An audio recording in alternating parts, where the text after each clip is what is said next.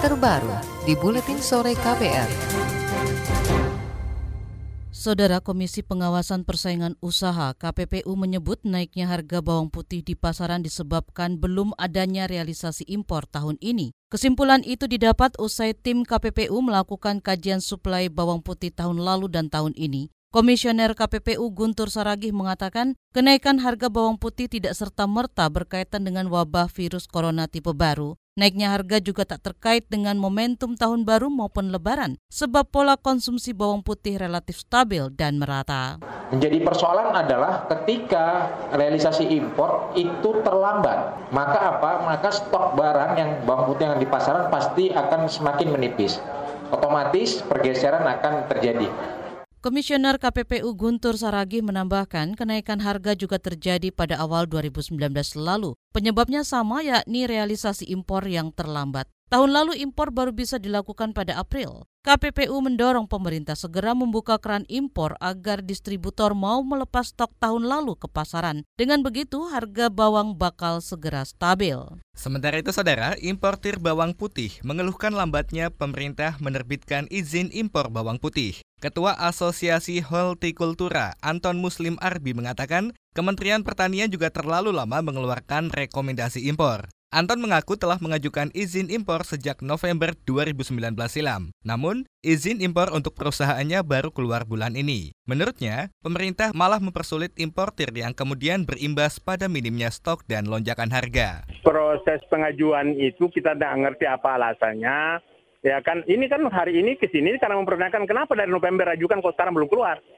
Contoh, contoh seperti itu kan. Berarti kan ada ada kendala entah kendala teknis atau kendala apa di dalamnya seperti itu gitu loh ya kan Iya berarti siapa dong gitu gua kan kan mestinya kan dunia usaha itu dilayani oleh pemerintah gitu loh. Jangan dihambat. Ketua Asosiasi Hortikultura Anton Muslim Arbi juga meminta pemerintah lebih transparan dalam importasi. Pemerintah bahkan tak pernah membuka data tentang jumlah kebutuhan bawang putih nasional. Hal ini menimbulkan kecurigaan dan kecemburuan terhadap perusahaan importir yang mendapat kuota lebih banyak. Kementerian Perdagangan menyatakan telah menerbitkan izin impor untuk 60 ribuan ton bawang putih Jumlah itu hanya sekitar separuh dari rekomendasi yang diajukan Kementerian Pertanian. Sekjen Kemendak Oke Nurwan memastikan importir dan distributor sudah menggelontorkan stok lama ke pasaran. Dia mengklaim harga bawang kini sudah mulai turun. Sekarang harga udah mulai turun kan, Keramat Jati. Karena tadi kita segera mengambil ada yang masih terstok tersedia di gudang di importir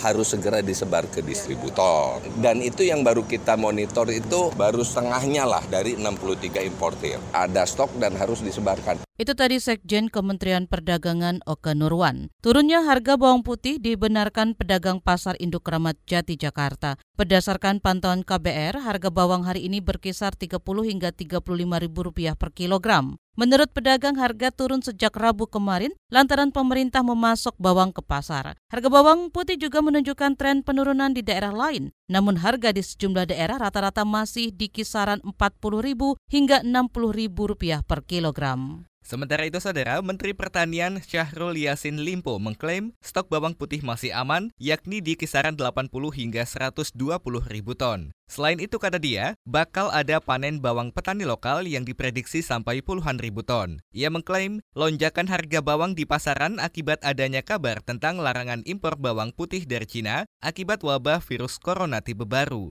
Kepanikan ini mendorong distributor menahan stok sehingga bawang yang dilepas ke pasaran hanya sedikit. Panen akhir Februari, akhir sampai Maret, 50 ribu ton. Kalau begitu sampai dua bulan, tiga bulan nggak ada masalah tuh. Mudah-mudahan virusnya corona juga selesai. Kalau toh virus corona juga terus terjadi di sana, kita udah hitung. Tidak harus ngambil dari tempat virus kan. Kita ambil dari India juga boleh. Kita ambil dari Amerika juga boleh. Itu tadi Menteri Pertanian Syahrul Yasin Limpo. Sementara itu, Kepala Satgas Pangan Polri, Daniel Tahi Silitonga menyebut indikasi permainan pasar yang menyebabkan kelangkaan bawang putih. Satgas menerjunkan tim ke daerah untuk melakukan pemantauan saat harga bawang putih meroket dua kali lipat hingga menyentuh Rp70.000. Daniel mengklaim para distributor sepakat melepas stok dan menurunkan harga. Ia juga yakin stok bawang aman hingga Maret mendatang. Pemerintah dinilai terlalu lamban mengantisipasi kelangkaan bawang putih yang menyebabkan harga meroket hingga dua kali lipat.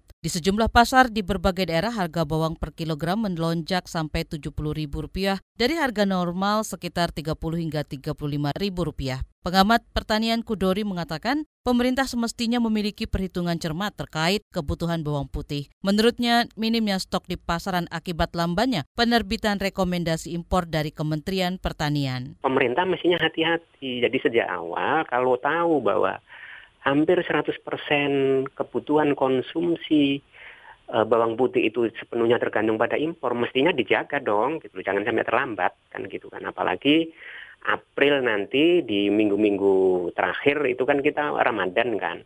Proses impor itu nggak bisa hari ini kita keluarkan besok datang gitu. Butuh waktu paling nggak satu setengah bulan, dua bulan ya. Pengamat pertanian Kudori mengatakan pemerintah mengada-ngada dengan mengaitkan kelangkaan bawang putih dengan merebaknya wabah virus corona. Pasalnya bawang putih bukan termasuk produk yang dilarang impor dari Cina. Dia juga mengkritik pemerintah tidak pernah transparan soal kuota impor untuk perusahaan. Dia mencontohkan Kementerian Perdagangan tidak menjelaskan kenapa perusahaan tertentu ditambah atau dikurangi jatah impornya. Situasi ini memberi celah adanya transaksi gelap. Selanjutnya saudara kita simak informasi olahraga. KBR Sport. KBR Sport. Tim Putri Indonesia terhenti di perempat final kejuaraan bulu tangkis Bregu Asia 2020 yang digelar di Filipina. Tim Merah Putih kalah 0-3 atas Jepang yang merupakan unggulan pertama. Tunggal pertama Gregoria Mariska Tunjung lagi-lagi gagal mengatasi Akane Yamaguchi. Penampilan Grego bahkan lebih buruk ketimbang dua laga terakhir melawan Akane dan kalah telak dua set langsung 9-21, 15-21. Partai ganda pertama juga bernasib sama. Juara Indonesia Indonesia Open Gracia Poli Apriani Rahayu tak berdaya menghadapi Yuki Fukushima Sayaka Hirota. Tunggal kedua Rusali Hartawan juga tak bisa berbuat banyak menghadapi Sayaka Takahashi. KPR Sport. Timnas sepak bola senior diundang untuk menjajal lapangan atau stadion Papua Bangkit. Stadion yang terletak di Sentani Timur Jayapura itu akan menjadi arena PON ke-20 yang digelar tahun ini. Menteri Pemuda dan Olahraga Zainuddin Amali bakal membahasnya dengan Ketua Umum PSSI dan pelatih Timnas Sintayong. KPR Sport. KPR Sport.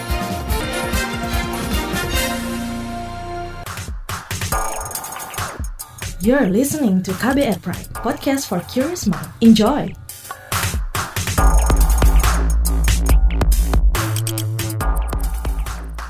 Saudara, Anda sedang mendengarkan Buletin Sore KBR. Siaran KBR mengudara melalui lebih dari 500 radio jaringan di Nusantara. Bagi Anda yang di Jakarta, simak siaran kami melalui Radio Pelita Kasih RPK di 96.3 FM. Saudara, pemerintah memutuskan tidak memulangkan WNI simpatisan ISIS dari Suriah dan sejumlah negara lain. Meski begitu, Presiden Joko Widodo tetap meminta agar data para WNI yang jumlahnya sekitar 680-an itu diverifikasi lagi. Tujuannya untuk apa? Lalu seperti apa rencana pemerintah untuk memulangkan atau tidak anak-anak dari WNI simpatisan ISIS itu? Berikut penjelasan Menko Polhukam Mahfud MD kepada jurnalis KBR Agus Lukman. Hasil dari identifikasi itu apakah nanti akan menentukan pemulangan atau tidaknya atau tetap tidak menentukan tindakan-tindakan hukum berikutnya. Okay. Kita sudah memutuskan untuk tidak memulangkan. Tidak memulangkan. Ya tindakan opsi, hukum aja mencari apa siapa jaringannya di sini okay. dan sebagainya kalau diketahui identitasnya kan jaringannya bisa di bisa ya, dikejar bisa dikejar ya. Nah, kalau ada opsi dari uh, resolusi PBB 2014 2017 dipulangkan diadili di tanah air itu hmm. sempat dibahas juga, Pak? Enggak, enggak, enggak ya. sempat dibahas. Kita cenderung biar aja diadili di di, negara, di Timur Tengah. Uh, di mana mereka juga berperang ya. Bagaimana dengan anak-anak itu pertimbangan apa yang nanti akan digunakan untuk menentukan apakah anak-anak ini bisa dipulangkan atau tidak? Pertama usia. Eh, kita sepakati itu di bawah 10 tahun. Yang kedua itu adalah anak yatim piatu, bukan anak yatim, yatim piatu. Sudah tidak punya bapak ibu Sudah di sana. punya ya. ibu, ya. Tidak ada yang memelihara ya, di sana. Ya itu yatim piatu dan dan anak ya bukan orang yatim piatu kalau hmm. yatim piatu kan banyak orang yeah. kakek kakek itu sudah yatim piatu juga yeah. ada orang tuanya lagi anak yatim piatu anak di bawah 10 tahun hmm. Dua pertimbangan itu usia dan yatim Iya, dan itu original datang dari Presiden Jokowi. Oke. Sesudah berbicara dengan eh, siapa Perdana Menteri Australia gitu. Mhm. Di Australia itu anak-anak yang yatim piatu dipulangkan, diserahkan ke kakeknya yang tidak ada keluarganya, ada dia diangkat seorang pengampu. Oke. Oh, Bapak asuh atau keluarga asuh Iya, gitu. ya. oleh negara. Jadi akan Lalu- dipelihara oleh negara. Ya, lalu Pak Jokowi merasa ternyuhia ya kalau anak-anak itu dipulangkan, lalu dia perintahkan kalau anak-anak dipulangkan. Itu hasil kunjungan dari Australia kemarin. Iya, hasil diskusi-diskusi. Ya, gitu.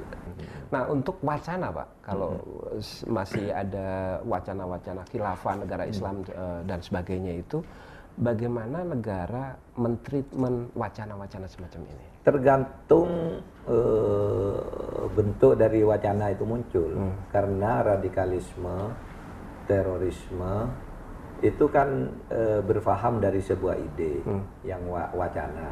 Nah wacana itu ketika muncul ke publik ada tiga, satu bentuknya takfiri. Takfiri itu orang yang selalu menganggap orang yang lain yang berbeda salah. Itu ada hukumnya sendiri, ada ujaran kebencian, ada hukum tentang diskriminasi. Lalu yang kedua jihadis bentuknya itu wacana itu, ya yang kayak yang kayak eh, FTF itu. Ya. Nah itu nanti yang nangani BNPT. Kalau takfiri mungkin peradilan-peradilan biasa. Lalu ada ideologis yang seperti maaf ya sekarang organisasi yang sudah dibubarkan bicara Oke. khilafah itu masih terus berwacana kita hantam juga dengan wacana. Iya kan? Jadi wacana pada tingkatan tertentu dihadapinya Dihadapi dengan wacana. dengan Oleh sebab wacana. itu saya selalu lawan dengan wacana. Tetapi ketika itu sudah bentuknya jihadis, saya minta yang turun tangan pengadilan anu atau BNPT, dan eh, apa namanya Densus. BNPT dan Densus kan turun itu. Nah kalau takfir itu ya polisi dan sebagainya itu. Oke.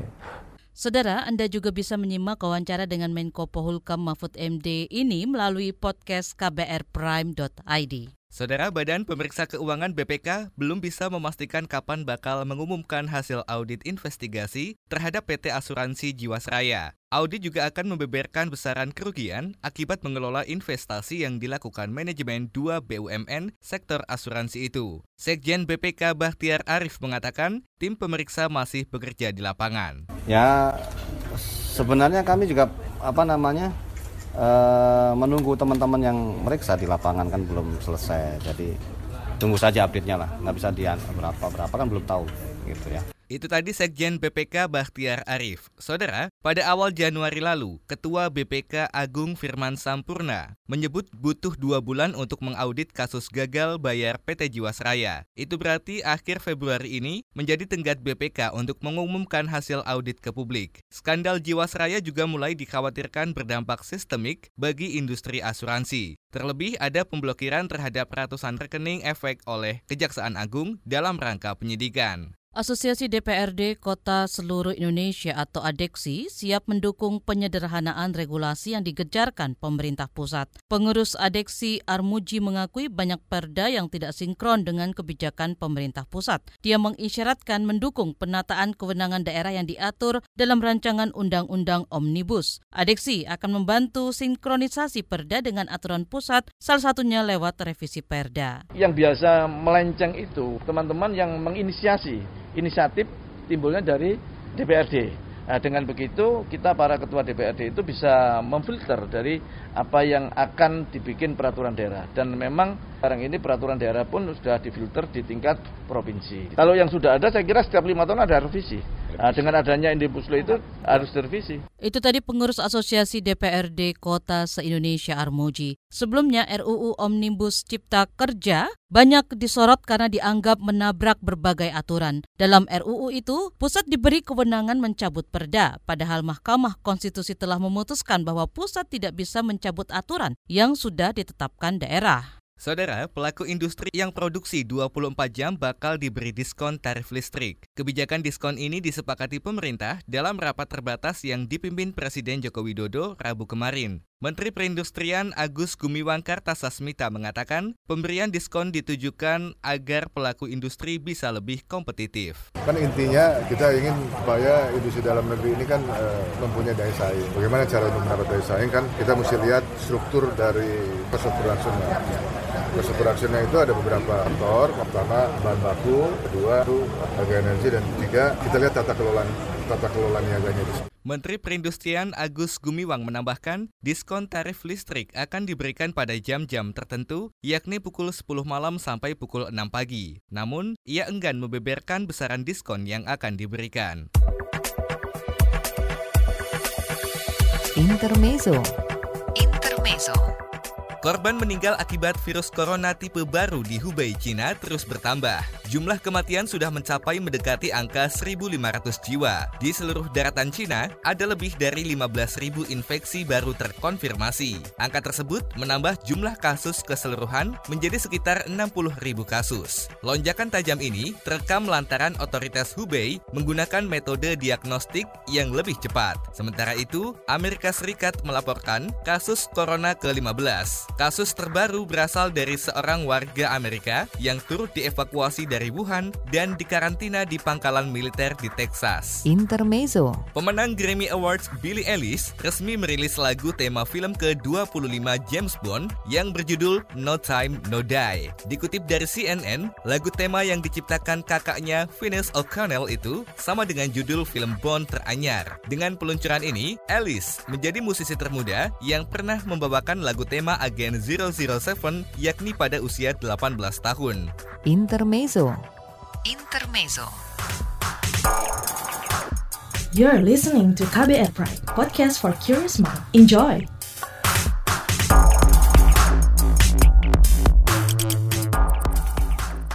Saudara, Anda masih mendengarkan Buletin Sore dan saatnya kita menyimak Saga KBR. Tahukah Anda bahwa populasi burung bisa jadi indikator kebersihan lingkungan yang kita tinggali? Yayasan Keanekaragaman Hayati Indonesia (KeHati) setiap tahun melakukan sensus untuk memantau jumlah populasi burung di beberapa titik. Jurnalis KBR Febrian Kevin mengikuti sensus yang digelar pertengahan Januari lalu. Rahasia. Menarik. Nah, ada beberapa jenis burung-burung hutan kotanya tadi dapat nggak? Bondol peking, kekep babi, blekok sawah, gereja, tekukur, kutilang, kiko, takur, perkutut. Nah, Sekelompok pemuda terlihat sibuk menyiapkan sejumlah alat, mulai dari teropong, kamera, dan catatan. Mereka bersiap mengamati populasi burung air di kawasan Ancol, Jakarta Utara. Kalau nambah itu buat list baru kan? Ini merupakan kegiatan sensus burung air. Sensus ini digelar oleh Yayasan Keanekaragaman Hayati Indonesia atau KeHati untuk memperingati Asian Waterbird Census atau EWC 2020 di Indonesia. Tiap Januari, minggu kedua dan minggu ketiga. Peneliti Yayasan Kehati Ahmad Baihaki mengatakan, pengamatan burung dilakukan untuk melihat jumlah habitat burung yang juga bisa menjadi indikator kebersihan lingkungan. Nah, di mana Indonesia ada beberapa daerah yang memang potensi adanya jenis-jenis burung air. Nah, salah satu di pesisir Jakarta, kamu memilih Ekopark Ancol. Tujuan data ini yang kita dapat nanti akan kita serahkan kepada Koordinator Nasional ASEAN Waterbird Census, itu ada Wetland uh, International Indonesia Program, dan juga kepada Pemprov DKI Jakarta melalui Dinas Lingkungan Hidup DKI Jakarta. Kenapa? Karena potensi jenis-jenis burung air juga bisa mengindikasikan baik atau buruknya kualitas suatu daerah. Data hasil sensus akan menjadi acuan pemerintah dalam perencanaan pembangunan infrastruktur baik gedung, jalan, atau bangunan lain agar ekosistem hewan, utamanya burung, tetap terjaga. Sejumlah relawan ikut serta dalam pengamatan ini. Mereka adalah relawan dari berbagai universitas yang tersebar di Indonesia.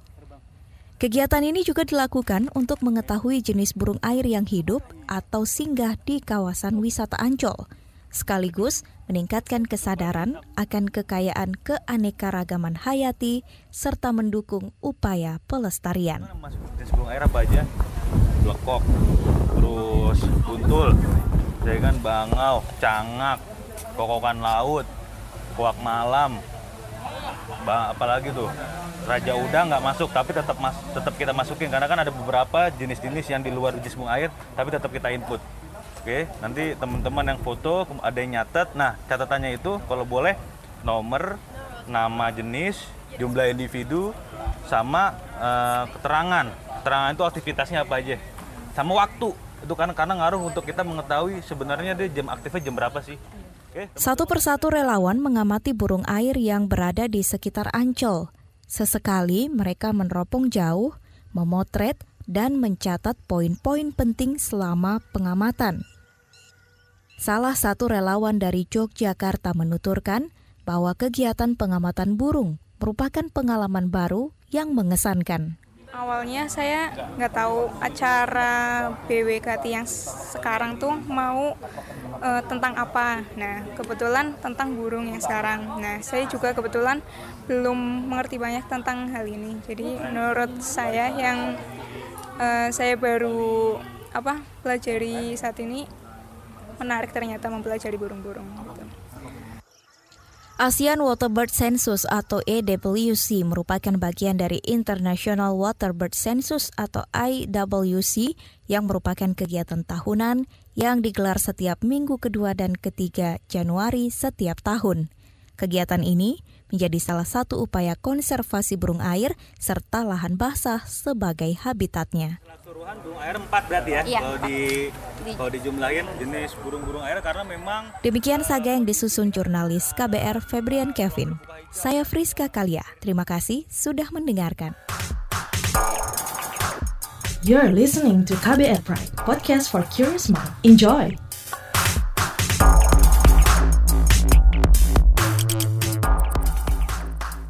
Inilah bagian akhir dari Buletin Sore KBR.